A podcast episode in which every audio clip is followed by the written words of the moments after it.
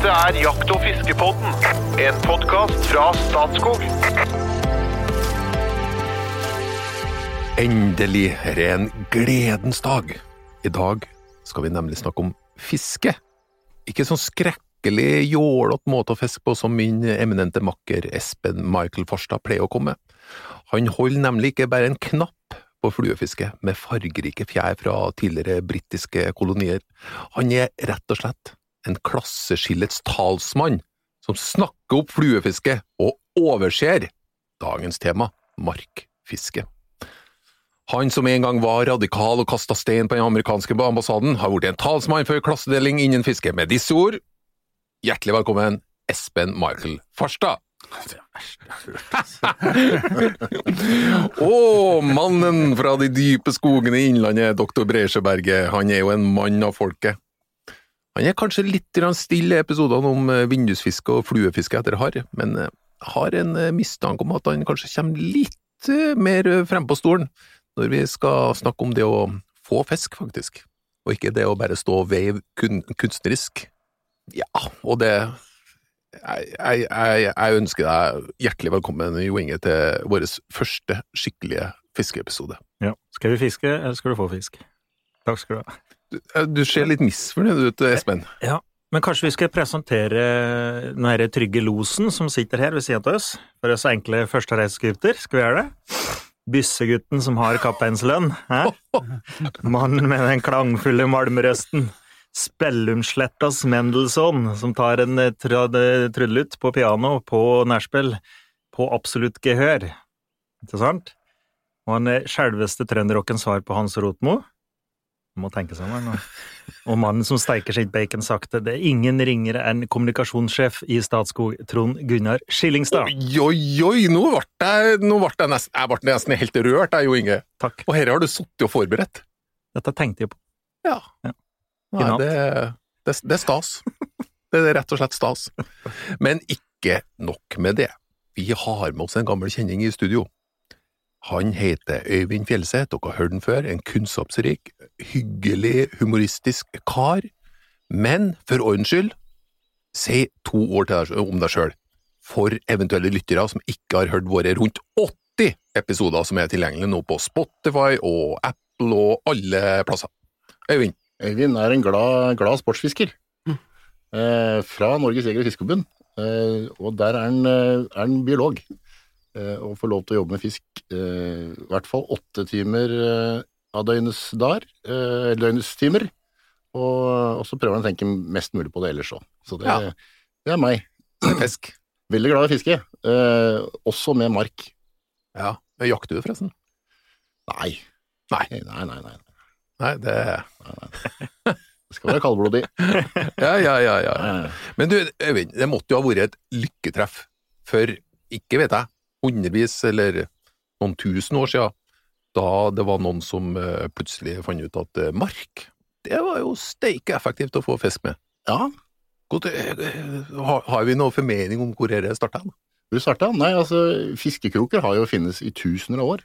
Så, og nå har de hatt på de krokene. Jeg regner med at Ja. de, det er logisk, det. I noen grad så var det sikkert eh, fisk og fiskebeter og sånn, på litt større, større arter uh, fisk enn fisk heter. Men, eh, men marken har jo vært der eh, Den kom i hvert fall til landet etter en stund. Eh, her også når det ble litt jordsmonn, og den er den som bearbeider eh, jordsmonnet.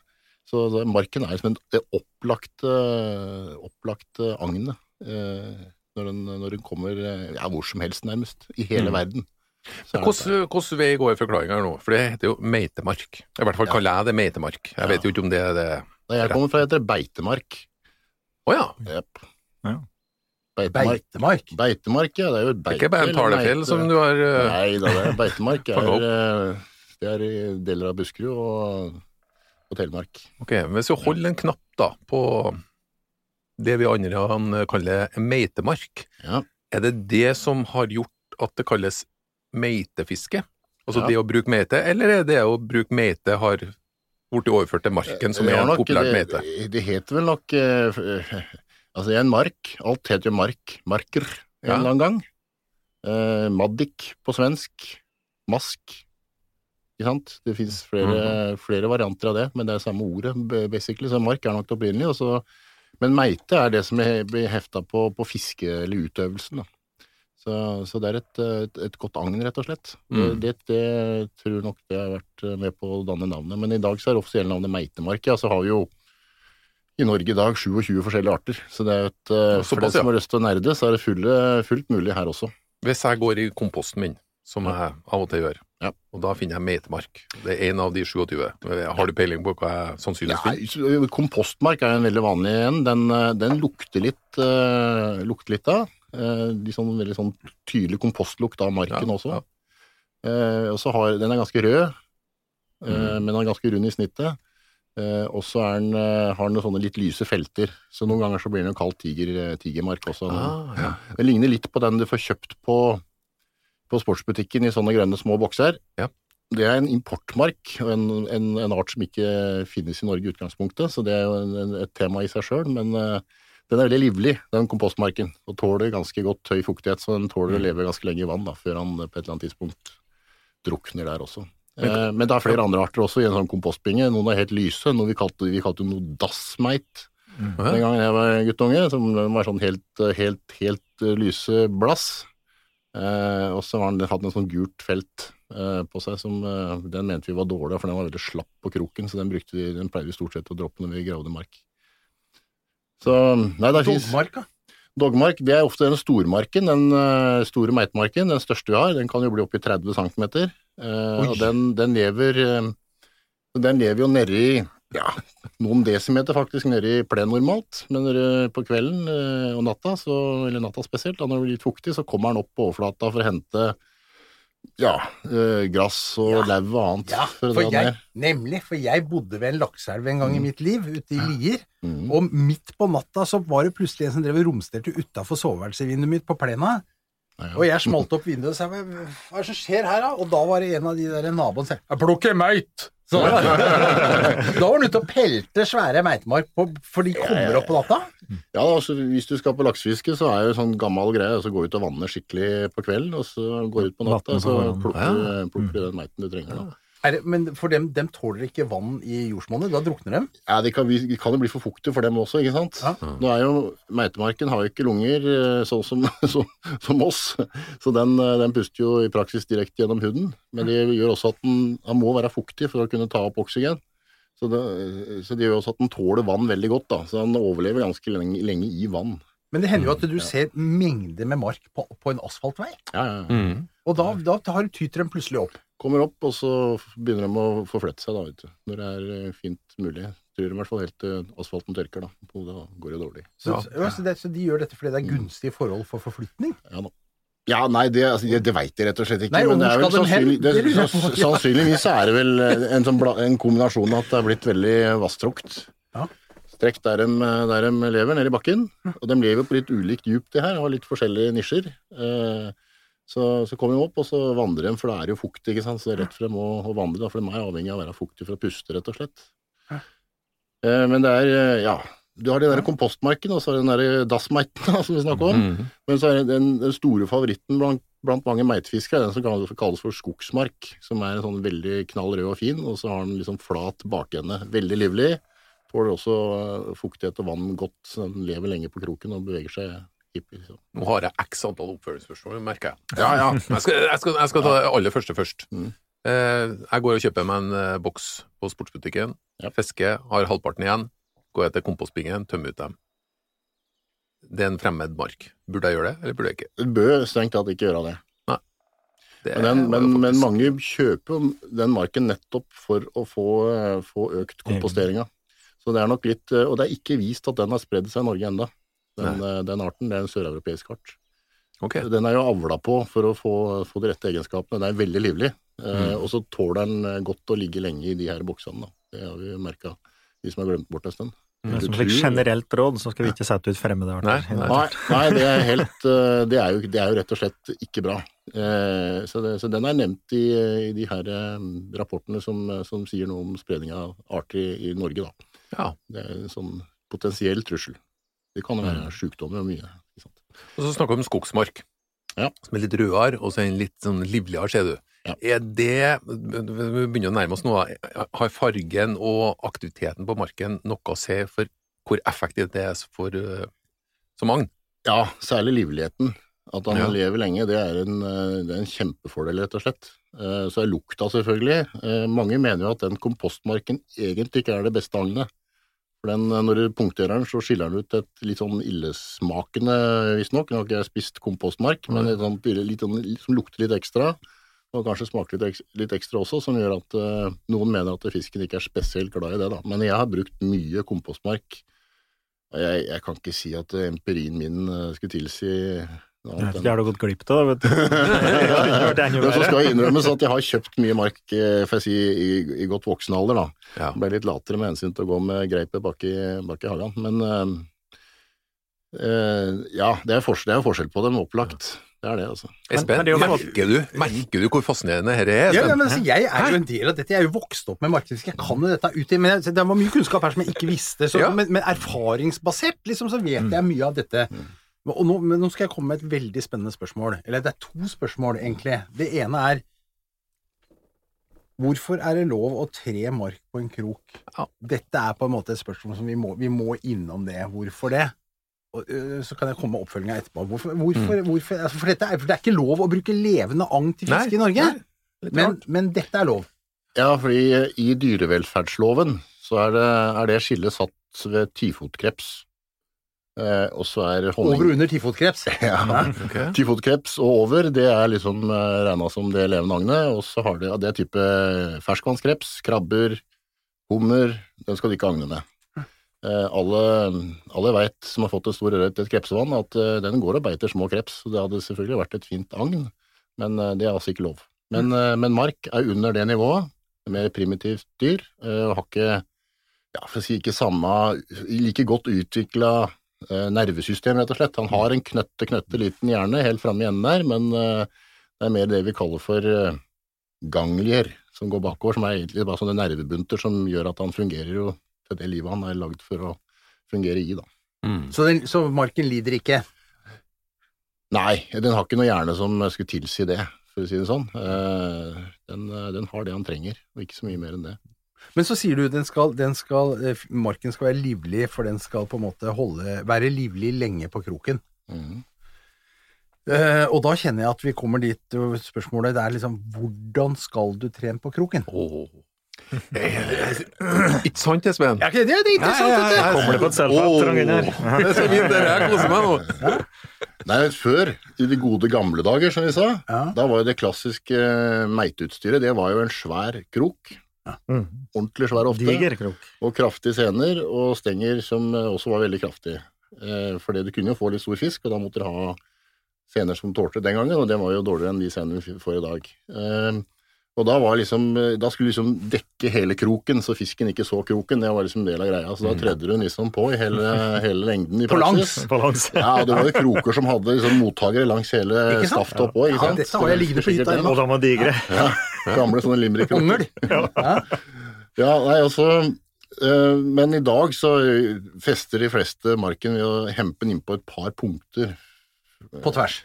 Ja, Så han ligger som en S. ja så, han har, sant? så, han har, så han har liksom eh, Gjør ikke noe om litt av kroken uh, syns. Og så er, er jo i dag mye vanligere å bruke veldig mye mindre kroker. Mm. Ja. Så de fleste, og det er et sånt godt tips, altså gå ned på krokstørrelse. Mm. Det er jo ikke noen grunn til at en markfisker skal bruke krok uh, 2-0. ja, 2-0 når en fluefisker står og fisker på samme fisken med en krok 16. Mm. Så, så, så han kroker rundt eh, 10-12, ja 8-10-12, Mm. eh, og mindre enn det òg for så vidt, er jo veldig bra til markfiske. Og da syns jo ikke den kroken oppå den svære marken. Så utviklingen går egentlig fra liksom, liksom tradisjonelt grovt meitefiske over mot fluefiske, liksom i type jeg si? Lågthengende frukter. Kjære lytter, det var veldig godt. jo da. Nei, det er jo Vi fisker ofte til de samme artene, så det, det blir bra, det. Men du kan jo få prate litt om sena òg, for du nevnte så vidt det var sena. Altså, jeg liker å bruke gammeldags scene, på ennå, men heller tynn scene ennå på, på meitefiske. Men bare for å ta ferdig med, med merken, da. Altså, jeg har stort sett tilgang til kompostmerk. kompostmerk. I gamle dager så hadde vi eh, altså Mac-haug, så kunne du ta, finne den der merken du prater om der, da. Ja. Men jeg syns ikke den var så bra, så det er typisk kompostmerk. Men du nevnte skogsmerken, at den var bedre. Men her skal du klare å skaffe nok skogsmerk, da, særlig. Nei, Eller men- en fisketur. Skogsmarken finnes også i sånne kompostbinger. Så Ja. det er ikke noe den, den er, altså De forskjellige artene, eller de samme artene, er eh, i, i samme, samme bingen, for så vidt. Ja. Så, men det er noen ganger så dominerer den ene arten framfor den andre. Da. Det er jo sånn, eh, ja, det er rett og slett konkurranse og annet, vil jeg tro, som, eh, som avgjør det. Men du kan finne skogsmark i en vanlig kompostbinge. Ja. Og hvis du er så heldig er- at du er i et område, skogsområde hvor det går litt storfe ute, så snur du jo på kuruker, ikke sant? Gamle kuruker, der vil du finne mark, vet du. Men det er, jeg vet ikke om jeg Jeg er jo, jeg er jo, jeg er jo biolog, så jeg har alltid vært veldig nysgjerrig på åssen ting ser ut. Altså, det vi, når jeg studerte, så kalte vi å ta det på habitus.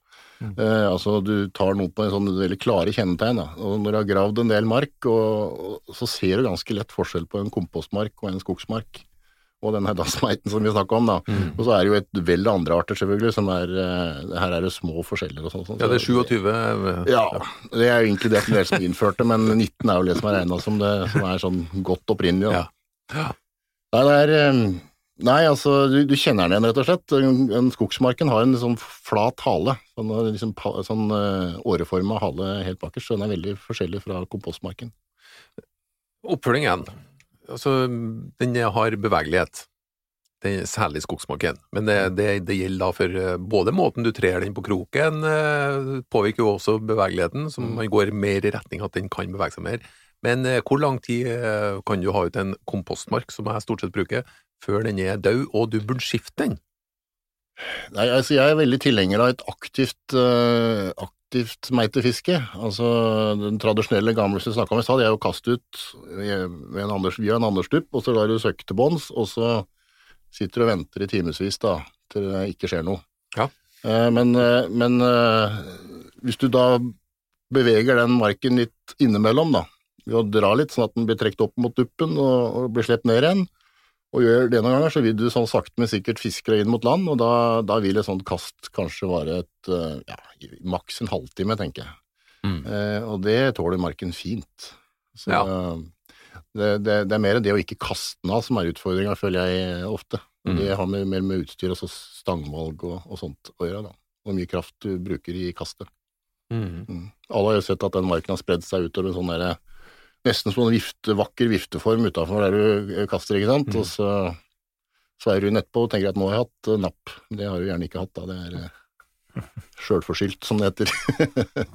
Men når du fisker med mark, eh, hvordan Mm. tilleggsutstyr, da tenker jeg på søkke og dupper, og, altså, hvordan, hvordan sammenheng kommer, bruker du mark? Nei, altså, det som er med, med mark er jo at det er et veldig naturlig Altså, det lukter, og det beveger seg, og det er fakta et dyr som eh, særlig elver titt og ofte detter i vannet. Så det er ikke noe, det er ikke noe byttedyr som eh, nødvendigvis er veldig fremmed for fisken. Og det fins også vannlevende mark, altså børstemark. Dette er jo en børstemark på lik linje med de svære beista vi ser i sjøen innimellom, men eh, han har litt færre børster. Så, så det er en naturlig agn. Det lukter godt, eh, og, og, og fisken tar som oftest maten sin nede i nærheten av bånd, der det er mest mat, rett og slett. Der er det bånddyr, og det har eh, ja, alle mulige slags eh, næringsdyr som fisken er ute etter. Da. Så hvis fisken ikke vaker og sånn, så er, jo, er det som logisk å fiske der nede, og da er mark rett og slett et helt ypperlig, ypperlig agn å bruke. Mm. Eh, og så finnes det jo ja, mange måter å fiske den på, selvfølgelig. Ja. Ja, ikke sant? Ikke, ikke, ikke stopp der. Det var, det, det var de hemmelighetene, da. Nei, nei altså, duppen er jo nevnt, den Anders-duppen. Den, den Ja. funker faktisk fortsatt, forutsatt at du gjør litt Det, som jeg sa. det er den som har et hulrom, ikke sant? Som, Ja. som dekker eh, angeren, som jeg sa, eller kroken. Og, som, eh, og da, men da må du slippe den igjen, men da trenger den et søkke for å gå ned. Ja, det må et søkke. Så den er litt sånn, det fins eh, Jeg bruker ofte ikke dupp i det hele tatt, jeg bruker såkalt glidesøkke. Eh, og det fungerer litt på samme måten, men bortsett fra med den duppen så kan du vippe, vippe marken opp over bånd mye enklere. Så, det, så, så duppen har sin funksjon, den altså, eller misjon. Men et glidesøkke, det er eh, Da kan du bruke kulesøkker med hull i, eller eh, pæresøkker, er det vi kaller det. Mm. Sånn droppsøkker. Eh, som du kan ha en, en stoppknut i forkant av, som også kroken av i enden. Er en tafs på kanskje 30-40-50 cm. Med en krok i enden, og så har du en svivel, og så har du et par kulesøkker på sena, og så fester du da den sena til den andre enden av svivelen. Eh, Når fisken tar da, så kan den trekke den kroken veldig lett ut uten å merke vekta av, av søkkene, og det, det gjør at du ofte får flere, mer fisk, rett og slett. Men den pleier ofte å kaste ut, og så lar den ligge ja, en del minutter, selvfølgelig. Skal jo, fisken skal jo få tid til å lukte den og finne den også. Og hvis det ikke skjer noe etter et kvarter eller noe sånt, så vipper jeg den kanskje bare en halvmeter, eller barrierer den litt inn mot meg, så det blir litt bevegelse også, og så fortsetter jeg sånn. Så du venter et kvarter? Jeg kan godt vente et kvarter, ja. Ja. Det er godt å sitte og Ja, absolutt. contemplate, som du sier. Men da fisker du deg innover mot land. Ja, innover mot land, ja. Det er hvis jeg fisker i en innsjø, da. Eh, I elv så vil du jo typisk kaste ja, Du må jo se an elva, da. Det blir akkurat som med fluefiske, ikke sant. Du må lese elva, eh, tenke at her står det fisk. Da må jeg legge den kroken eh, med marken og søkke eventuelt. Du kan fiske bare med krok og, mark også, men eh, hvis du har et søkke på, da, så må du legge den litt overfor der du mener fisken står, og så må du liksom la strømmen ta den ned til fisken. Mm. Og være liksom på alerten i forhold til at fisken tar også, og gi tilslag, da. Og da er det veldig, veldig, veldig greit å ikke bruke for, for, for kraftig utstyr, rett og slett. Altså ikke for tjukke sener, og altså, rett og slett ikke for stort utstyr, verken med hensyn til kroker eller sener. Det skal selvfølgelig tilpasses den fisken du skal fiske etter, men eh, Mm. du trenger ikke 0,35 sener for å ta en eh, to kilo sørret. Nå nærmer deg det, det markedsvirket som jeg syns er morsomst, nemlig det er å bruke utrolig lett lettspinnsutstyr. Altså 0,20 scene, ikke sant? Tynt, og, og en liten stang. En klyse med mark. Litt jeg, kan, jeg tror nok jeg bruker litt større krok enn dere, fordi at jeg rett og slett vil ha litt mye mark på kroken. For jeg bruker ikke noe annet. Ikke noe søkke, ikke noe dupp. Hiver dette utover. Og så er snøret som ligger på, på overflaten, og som sakte liksom synker ned ettersom marken Mm. synker, ned, det er, det er nappindikatoren. Når du ser det snøret plutselig rykke litt sånn utover sånn, Mm. Så er det fisk der. på mange steder. Og da er du veldig følsom. Da begynner det å nærme seg Mm. fluefisk. Så da, da er det ganske ålreit. I, I, i, I litt sånn sakteflytende elver så er det en veldig fin uh, teknikk. Da. Men er det litt mye strøm, så må du ha litt søkke på for å få det ned. Ikke sant? Så, Og i Det vann rett fungerer det, selvfølgelig. mm, I Stille vann. ja, absolutt. Men Eh, med avstand mellom søkke og, og krok, da. eh, halvmeter, tenker jeg. Ja.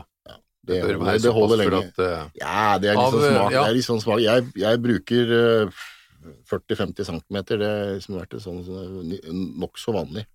mm. Så er det forskjellige måter å, å rigge det her på, da. Du får kjøpt mer eller mindre spesialisert utstyr til det også. Altså, alt fiske skaper nerder eh, Ja. og, og spesialutstyr. Så du Akkurat får at du nevner ja. så du, du, du alltid finne Det, finner, det fins en del sånne spesialutstyr, sånne eh, ulike rigger til markfiske og sånne bommer, som de kaller det, da, som er for å forhindre at, eh, at sena tvinner seg, eller kroken tvinner seg inn i, i sena du kaster ut, videre. Men, men dupper kan vi si litt om, for at Ja. du, du nevnte Andersduppen, og det er jo på en måte Det er jo liksom den arketypiske, treige, litt marken. Koseduppen. Du, ja, du gikk sånn pælm ut, og så venter du en halvtime. Boring! Ikke sant? Nei, så, det, men det fins jo andre dupper, ikke sant? Som moderne dupper, for å si det sånn. Da. Tynne, små meitedupper som stiller seg rett opp i vannet, og som den minste bevegelse blir registrert på. Da begynner vi å snakke gøy, vet du. ja, Ja, ja. Hvis du fisker et abbor, for eksempel, så er jo det det er jo kjempefint. Altså bruke ulike typer sånne balanse eller uh, Sigarformede pennedupper. Ja, det er, forskjellige, ja. er mange forskjellige varianter av det. Men de skal ha litt, noen er jo laget for at eh, når, du, når fisken tar marken, så skal duppen gå opp. For enkelte arter tar jo agnet opp i stedet for å dra den ned, osv. Så, videre. Ja. så Så det er, eh, det er et vell av ulike dupper, altså. Men jeg tenker på, for jeg har, jeg har alltid ivra for markfiske, tro det eller ei, spesielt når vi snakker om fiske med barn. Ja, For det at ja. dette, det som skjer med en dupp Altså, Tenk deg at du er et lite barn, og du kommer ned til vannet. Du er fem år gammel og skal være med å Mm. fiske, liksom. Og vannet har egentlig vært litt sånn eh, Pass deg for vannet. Ha på deg redningsvest, du skal ned til vannet. Det er mye fy-fy knytta til vannet, ikke sant. Mm. Og så skal du kaste noe ut i vannet med en fiske, en sluk eller et eller annet, og det setter seg fast i bånd, og alt er feil. Hvis du fisker med mark og dupp med unger, så for det første setter du deg ikke fast. For andre så visualiserer du hva som skjer under vannoverflaten for ungen. For når duppen begynner å vandre, så skjer jo noe, liksom. Og da er de der nye duppene helt geniale, altså. Ikke sant? Som kanskje da bare reiser seg opp i vannet, så du ser de med en gang, begynner å vandre bortover osv. En andersdupp, du skal jo være litt god for å se at det Ja, ja. er en fisk som er bortpå der. Nei, den er e egentlig så er den best egnet til det han ofte blir, ikke blir brukt til, og det er den der med å løfte agnet opp av bånd og bare forflytte en halvmeter. halv litt, ja. Mm, mer aktivt fiske. Ja. Aktivt fiske med, med anderstup der du har et visst djup, Mm. Eh, Det er fakta veldig effektivt. Men, men jeg skal ikke kimse av det akkurat det Espen sier, med, med unger og dupp. Vi har jo vi har alle prøvd det. Gamle revehvite isoporduppen, og vi hadde, vi hadde bambusspau, da, ikke sant. Vi kaller det spau. Men, det, men fordi det vi prater om her, er typisk med lette spinnstenger, da. Mm. Kanskje litt lange spinnstenger. Mens eh, unger òg kan ha eh, like mye utbytte til å fiske med lang, lang meitestang, da. Mm. Sant? Altså en teleskopstang, for eksempel. Og det, det kan være at Ja, altså bare at eh, scenen er festet i toppen, rett og slett. En ring i toppen. Det bør ikke være vanskeligere enn det. Og dupp. For det er veldig visuelt, og ganske enkelt å, forholdsvis enkelt å få til, da. Ja, ja. Jeg sier haspelsnang på en liten unge kan jo være haspelsnelle kan være litt mer, litt mer mikkel, da. Eh, For et par år siden så var jeg med noen kompiser til Finnmark. Husker Vi skulle fiske, fiske laks i Vestre Jakobselv. Og dem- vi skulle fiske med flue, da, så jeg hadde med meg hele, hele riggen min, jeg. Eh, Og dem hadde også med seg fluestenger. Men de hadde absolutt ikke noen intensjoner om å fiske med flue. For der bruker de altså tohånds fluestenger som, Ja. eh, som markstenger. Yep. Veldig effektivt, eh, for du får vippa veldig effektivt den marken ut i elva, og så så det drifter du marken ned, og så når det er i nedstrøms, så, så, så vipper du noe skrått oppstrøms igjen. Det var jo veldig god bruk av fluestenger òg, da. Ja, på Vestlandet også er det veldig vanlig blitt, eller vært over lang tid. Det er jo egentlig en videreføring av de her lange, lange teleskopstengene Ja. Som er brukt. Det er ikke, er ikke, det er ikke dette under kategorien misbruk? Jo, jo, jo. Og det, det, det var det festlig den gangen. Så knakk han ene ei stang til 10 000 kroner. Og det gleda meg stort. Oi, oi, oi! Ja, ja, ja. Men, men det er jo, ja, for det er jo litt det samme. Jeg har jo ikke tohånds fluestenger, jeg er jo ikke helt der. Men eh, jeg har prøvd det med fluestanga mi, å fiske med merk. Og det, for det ene er at hun er veldig følsom, og så er det jo ja, nifot, da. Men, Mm. Så du har ganske Det er ganske heftig, faktisk. Ja Det fungerer. fungerer. Det går an med, med vanlig fluestang òg. Ja, litt, litt moderne meitestenger er jo egentlig ombygde fluestenger. Mm -hmm. fordi du har den derre progressive og dels helaksjon på, på en del av de litt eldre typene, som, som gjør at du får et veldig sånn behagelig kast med såpass delikat agn. Og det er, det er faktisk et poeng, for at moderne slukstenger er veldig stive og kjappe i aksjonen. ikke sant? Det er dårlig når du skal fiske, liksom. ja, når du skal fiske med agn. Du hiver jo av agnet på en måte ofte. Ja da. Så det å ha en litt mykere sånn, det er et poeng. Altså. Ja. Det finnes en del, eh, fortsatt en del merke, eller en del stenger som er eh, veldig gode til akkurat det fisket. da. Det, Mm. det er smak og behag, selvfølgelig. Men Snart skal jeg be deg om å, om å ta oss med inn på reisen når du møter et vann eller ei elv. Men før det, men det er bare en liten ting til. Jeg, må jo ha, jeg, jeg vil jo ha dette inn med teskje. Nå er det, nå, du snakka om eh, krokstørrelse, hvordan marken er på, avstand mellom eh, kroken og søkket. Men eh, hva, hva snakker vi om når vi ikke har sånn andersdupp, men vi har en fast dupp, fast Mm. avstand mellom søkket og duppen? Hvor, eh, hvordan avstand. Egentlig, vi, vi går inn Ja. på neste spørsmål nå, for det handler om hvor marken skal være hen i vannet. Ja, Så ja, ja, kanskje ja. kan du egentlig bare ja, starte på altså, det, det, det pedagogisk eh, rette svaret er der fisken er. Så da glir vi over på neste spørsmål. Nei, altså eh, hvis du bruker eh, en fast fortomslengde, da, så, så er det en sånn en halvannen meter eller så. Meter halvannen. Eh, Det holder ofte, for hvis fisken er sånn at den går tett oppunder overflata, så vil den oppdage den, den marken godt. Så da handler det egentlig mer om å ha en dupp som, eh, som man ikke merker altfor mye til når den tar, tar marken. Men vil ikke det optimale være at marken er eh, fem centimeter over bånn? Nei, altså en mark vil jo normalt dette ned på bånn. Så det beste er jo egentlig Ja, det er ja, Ja, men hvis, hvis du skal fiske, ja, med dupp, da, Ja, ja. Vil ikke det ideelle være at du kaster, så kaster du 15 meter ut i vannet, og, og der antar du at det er ca. halvannen meter dypt, da. ja, ja. Så lager du en på 1,40 da, ikke sant, og så blir den liggende rett over bånn, for du sier hun finner jo mesteparten av maten. Jo, ja, så lenge fisken går Ja, men tenkte mer på den situasjonen hvor fisken går litt høyere i vann, da. Ja. Sant? Eh, Det kan jo være fem meter dypt der også. Men nå er snakker jo du, Trond, jeg sier at du kommer til et vann Ja. du aldri har vært før, Ja, ja. og så, det, skal du fiske, og så skal du liksom rigge til dette her. Hvordan, hvordan Ja, tenker hva, du? hva, ja. hva Nei, altså- undersøker du? Hva tenker du på? Nei, den enkle varianten for, for min del er enten så prøver jeg meg nede ved bånn med, et, eh, med søkke, vanlig med glidende glide, glidesøkke, eller så prøver jeg med en, eh, en dupp med en halvannen meters eh, fortom på. En av de to ville jeg valgt. Hvor hen uh, slipper du ned agnet? Midt på vannet, akkurat det Nei, altså, fi- altså ørreten er, er litt avhengig av hvordan vannet er rett og slett rigga sånn topografisk. Ja, tenk på det. Ja, landskapet. Går det an å forklare noe av det som skjer? Fordi at du Ja, analyserer nemlig et vann, akkurat som en ja, Espen gjør ja. når han ser på grunnene sine på flue, nei, altså, fluefiske. ørreten, øh, ørreten finner veldig mye av næringa si i strandsonen. Tette land. Mm, tette, tette land. Eh, hvis du skulle fiske etter røye, så er jo den gjerne litt eh, lenger uti og går mer i de frie vannmassene, men også mye nede ved bånn og, og finner, finner næring der. Så, så for ørretens del så, så er det ikke nødvendig å prøve å kaste den eh, eller duppen eller, eller søkket midtfjords. Eh, det er rett og slett eh, ganske lite produktivt.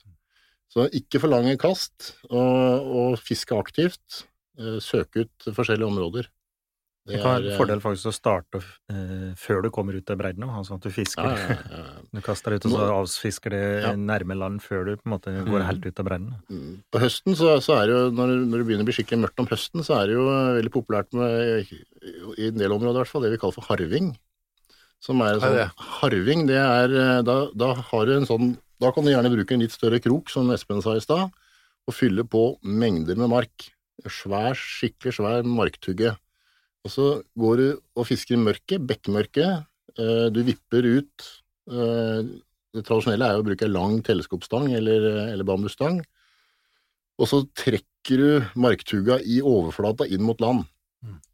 Eh, og så kommer da ørreten, eh, eller åbåret kan da også, men ørreten tar da med et skikkelig plask, og da må du gi den litt tid til å få tatt, tatt agnet skikkelig, og så gir det et tilslag. Utrolig spennende. Det er sånn, eh, du, du står der i bekkmørket, det er som å stå inni en sekk, ikke sant, og så plasker du plutselig tre meter foran beina på deg, du, du slipper marken der. Ufattelig spennende. Det er sånn, eh, det er en sånn derre bukseveter. Men eh, den, den, eh, den er fin, og den går helt fram til nå isen legger seg. Altså. Du kan også bruke fluestang og en striking caddis? Ja, det er jo også det. Litt store fluer gjør akkurat samme. Nei, men, men teorien er at fisken går og tar eh, frosk eller mus eller annet som svømmer, da. Eh, Dårlig med frosk som svømmer i vannet på den tida, av året, eller den tida av året, men, eh, men mus og sånn kan jeg alltids være ute, da. En ørret vil jo spise en mus. Dukker det opp, så eter de det. Ja, ja, ja. Når du kommer til et vann du ikke har med fluestanga, eller du kan ha med den òg, er det sånn at du analyserer vannet og så bestemmer for fiskemetode? Er det herre er typisk markvann, eller herre er ja, sluk, spinner Jeg tenker at uh, det er jo samme arten vi er ute etter, enten vi fisker med mark, sluk, spinner eller, eller flue. Uh, så du må liksom bare tilpasse det fisket du gjør med det enkelte utstyret til, eh, til det, da, tenker jeg. Men eh, det er noen vann som er mer egnet for, og noen elver som er mer egnet for markfiske pga. vegetasjon. Hvis du ikke er god til å underhåndskaste med fluestang f.eks., så er det jo rett og slett vanskelig å gjennomføre Mm. fiske mange steder. Mens eh, markfiske, det får du utført praktisk talt overalt. Altså, Det går an å bare- snu litt på det. altså Ja. Ørreten står fortsatt på samme plass. Ja. Så, som du fisker den med fluge eller merk, så er det egentlig Ja. ikke så stor forskjell. Ja. Men det å finne de plassene der de står, og, og går og beiter, for eksempel. Det er, det, er, det er rett og slett litt, litt mer produktivt ofte å fiske med mark. Da. Det, er, det er lettere på et vis. Men eh, du kan jo gjøre det så avansert som du vil, men det er på en måte mye lettere fordi du får kasta mer presist og lengre, og, og kortere for den saks skyld. Ofte så er det vanskelig å kaste kort òg, Mm. med fluestyr i hvert fall. Eh, og så kan du variere dybden på, på agnet på en uh, mye raskere måte enn med, med bruk av flueline. Da, Men- men- sånn. men så det er, det, er, det er et mer produktivt fiske. Som fluefisker så vil det jo være sånn at når du kommer ned til et vann, så vil du jo se hva er det som skjer her nå. Vaker det? I så fall, hva er det som vaker den på? Er det noe som klekker, eller er det maur som er blåst utpå? Så Du vil liksom gjøre en sånn der flueanalyse ikke sant, for å fiske. Hvis du kommer til et vann med en, slukstang, nei, en fluestang og en meitestang, og det skjer egentlig ikke så mye, ja, da gir det seg selv at da er det mark du går for, ikke sant? Mm. Så det er noe med å lese ikke bare vannet, men også øyeblikket, på en måte, hva som Mm. skjer. Hvis, hvis du må velge, du er på tur, og så har du glemt opp biffen hjemme, da, for eksempel, og så skal du ha mat til panna, så vil jeg jo starte med merken først. Naturlig agn, i hvert fall, Mm. først. Det jeg gjør da, det er at jeg slenger ut marken, og så går jeg og fisker med sluket rundt vannet. Ja, ja. Det, er- det, er- både og. ø, Ja, ja. Det, vi har alle vokst opp med sekken full av kastesnurr, for å si det sånn. Men det var en ting som, ting som vi glemte i stad, å si når vi, altså hvor i vannet du fisker, hvor du prøver, dere snakker langs bredden og sånn, men jeg vil jo slå et slag for Innosen, Innos. Ah, ja, ja, ja. der hvor hva- elva kommer inn i vannet. Her er det litt bevegelse, og det bringer seg, ja, og så, men kanskje spesielt Ja, ja, ja. Innosen når det gjelder markfiske, altså. Ja. Nei, det er jo er, Ja, for det er næringsrikt, men eh, Ja, kommer- så hvordan legger du marken der, da, nær sagt? Nei, da bruker jeg, da, jeg fisker jo helst uten søkke, da, men hvis det er veldig sterk strøm i noe, sånt, så kan jeg sette på et søkke for å få marken ned. Men ellers så liker jeg bare liksom kaste ut og la den drive utover, ikke sant? som Ja. om det var en naturlig mark som kom i strømmen. Det ville jo være helt perfekt, det. Ja. I litt store inno så kan det være greit å bruke en dupp også. Den gode gamle fluedupper, Mm. altså komet og dets like, eh, dem er jo fine. Sånn som- med magnet på sida. ja, det var det på noen av. Ja, Ja, ja, ja, magnet på, ja, så du festa kroken på, så da satt den liksom i kastet, men du traff vannet, og så løsna kroken. Liksom. ja, ja. Du måtte røske den løs. Ja, nei, den, eh, da, for da kan du kaste ut, og så har du ja, si en meter med fortom, og så lar du den drive utover i, eh, i strømmen inn i, inn i vannet. Da. Nei, altså Innos er jo, det er jo dødare, rett og slett, for, eh, Mm. for oss som vil ha ørret. Vi fortsetter, da. Ti på døgnet og ti på året. Nei, eh, jeg er litt sånn Jeg er litt sånn formiddag, efta eller kveld-menneske når det gjelder det her sånn, men det er, det er ørreten særlig, da. For det blir mye ørret her nå, men, men ørreten er jo veldig Den kommer i sånne perioder gjennom dagen ofte. Så du kan godt ha et godt bedt tidlig om morgenen, og så er det, skjer det ingenting, og så sånn i 11-12-tida så er det plutselig kjempebedt igjen, og så er det rolig, og så i 5-6-tida så, så skjer det noe igjen. Så, så det, er, det er litt sånn eh, det er vanskelig å bli klok på innimellom, og det er litt, litt sånn eh, forskjellig fra vann til vann også, virker det nesten som. Det er fallende måne, og det er mye greier, liksom. Ja, Mye ja. greier, men, det, men det der at du, du skal ikke gi opp sjøl om det dabber etter et sånt godt morra- morgenbett. Altså, det kan skje ting utover dagen da, men det går jo an å ta seg en kopp kaffe og sånn. Altså, Mm. Kan kaste ut den duppen og sitte og vente litt, da, altså, for uh, hvis det begynner å skje noe igjen, så kan du heller være litt mer aktiv i du, nå må jeg spørre deg om noe, Øyvind. Når jeg først har det her nå, nå kommer jeg på noe, så så et lite innspill. Så. Hva med huggtabeller? Ja, Det, det, ikke sant? I Napp og Nytt så var det huggtabeller, ikke sant? Rød og blå. Ja, ja, men med blå, blå dager og røde dager og ikke sant? Det var, det var definert på forhånd når det var godt fiske. Hva, hva Nei, altså det var jo månefaser, og du la jo en hel masse greier inn i det. Logaritmene Logaritmen har nok blitt litt, litt mer eh, Avansert. avansert i dag. men eh, Nei, men månefaser, altså lys eh, om natta og sånn, i hvert fall i den delen av landet hvor det blir litt mørkt på sommerstid og sånn, så er det klart at det har jo noen innvirkninger. ja, men Det du jo fra godt til dårlig fiske fra den ene dagen til den andre. Ja, ja, ja. Nei, men det er jo bare vas, selvfølgelig. Men Det er bare jo- vas, ja. Det, var Det det, er jo jeg spennende, høre. det, er jo, det er jo spennende, da. Det er jo de, det er jo de som leser stjernetegn nå. Ja, ja, ja, Ja, men du ja, ja. skjønner, du skjønner, i sommer så var jeg, var jeg på fisketur på, på Finnmarksvidda, og så dro jeg oppover. Og så når jeg satt på flyplassen eh, i, i, i Kirkenes og venta på bussen der, så, det, så kom jeg på dette her. Så, jeg, og så gikk jeg inn på det, iPaden og googla, ikke sant. Og ja, ja, der kommer det jo opp hoggtabeller, ligger jo her, ikke sant. Og så gikk jeg inn og så så jeg, så så at de tre første dagene vi skulle inn på vidda, skulle være kjempedårlig fiske. Og jeg kjente at jeg tror ikke noe på dette, men faen da, det var jo jævlig irriterende. Ja, ja, likevel, ja! Ikke sant? Ja. Da har vi alle vært der. Hadde det vært motsatt, så kunne vi bare slakte på båten. Ja. Men, men apropos tid på året, da. I den grad du får tak i merk, så kan du, kan vi ikke si kanskje at det er noe tid på året det ikke fungerer med merk? Nei, Eller naturlig ja. Det, det er et helårs uh, Før, når jeg var, var guttunge, da, jeg slutta med det nå, når den der kjøpemarken kom, men da hadde vi jo svære kasser i kjelleren.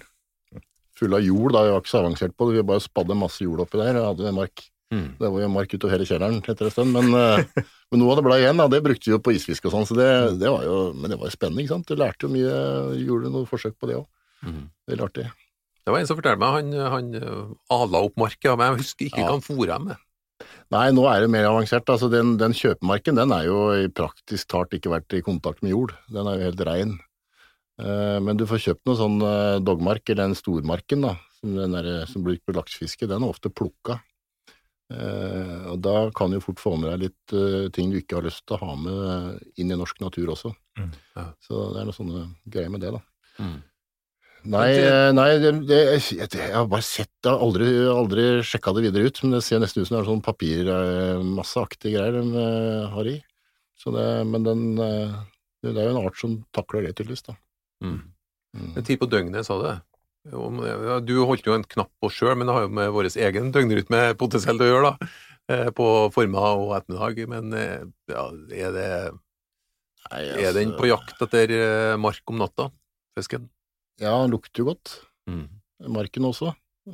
Fisken har jo veldig bra utvikla luktsans.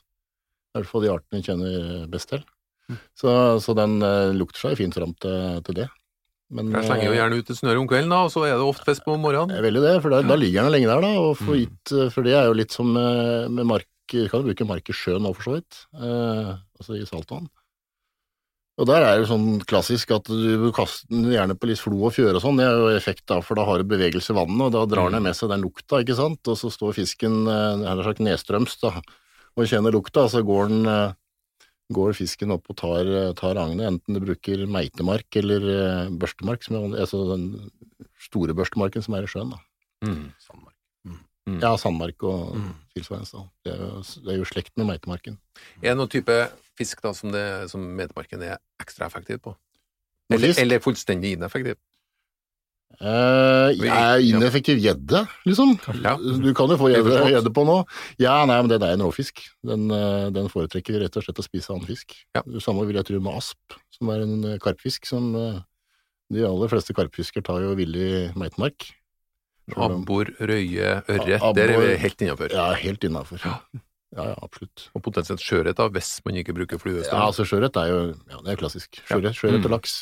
Laksefiske har jeg ikke prata Ja, om, men det er jo det er jo Markfiske er jo veldig bra der. Men hva sier jo Inge, var ikke dette her fascinerende og utrolig spennende fiske? Jo, for all del. Det er dette som er meninga med livet. Ikke du kan sant? fiske hele året, og med det utstyret trenger ikke være avhengig av vakinger eller flueheter eller noen eksotiske utrydningstruede fugler på, på en krok. Ikke sant? Ja, ja. I britiske kolonier. Ja, med tweed og silkeslips. Jeg syns det er overraskende å høre at man skal bruke meitemark for å være politisk korrekt, men oh, men du Espen, Mm. du må faktisk innrømme at den reisen her inn i kun kunnskapen til Øyvind, det var litt fascinerende. Ja da, og jeg, jeg, jeg har jo jeg har sagt, altså jeg er jo vokst opp med dette, som sagt. Jeg var- hadde en far som var lærer, så jeg hadde seks lange uker på et regnvått Vestland hver sommer, og da gikk jeg opp og ned langs bekken der og fiska ørret. Og jeg kan ennå huske lukten av meitemark på finga. Skranglinga fra den derre boksen altså. boksen som jeg hadde dette i. Noen ganger så hadde jeg de gamle tobakkseskene til fattern som røyka pipe, liksom, og som Mm. jeg hadde banka høl i lokket med en firkantspiker, og det er masse Ja. minner knytta til dette her, sånn, og, og det var vel egentlig det som tente hele interessen. Men mennesket må videre! Det er sånn det er! Ja, så, Evolusjon! Ja, ja, ja, Ja, men, så lenge du ikke har gjort jobben med, at du, med å lære meg å fiske med flue, så er jeg nok nødt til å holde jeg meg veit til de hvilken flue du skal få fiske med første gangen. Nei. En Mark Brown. Jeg skjønner det. ja, det er The Garden Fly, som det står i enkelte Nei, men dette var, dette var ordentlig interessant, veldig givende, og eh, som sagt da, endelig en seriøst bra fiskeepisode. Markfiske! Har aldri sett han programlederen så fornøyd. Sveisen, sveisen står rett opp som en annen Tintin. det var en stor dag, rett og slett. Men jeg, jeg, jeg fant, fant fakta et, et, et eh, dikt. Åh, Ja, bra. nydelig. Arne Rust skrev eh, for et eh, par tiår siden eh, diktet Meitemark, jordisk. Salig er de som holder metemarken hellig, for deres lønn skal være stor og ubemerket på jorden. Ja, Det trenger jeg litt tid til å la synke inn. Ubemerket Ja. Ubemerket. på jorden. Tenker jeg ble litt sånn høystemt, og det passer godt når vi snart skal gli inn i hot or not. Ja, det var sannsynligvis ikke importert mark, det. da. Ja, den, er- den er verdi for noen. Til dere eh, hundretusenvis av lyttere som er med oss i inn- og utland. Takk for følget. Eh, Bidra gjerne til at noe enda flere får vite om eh, Jakt- og fiskebondens eh, eventyrlige innsikt i ja, over 80 episoder.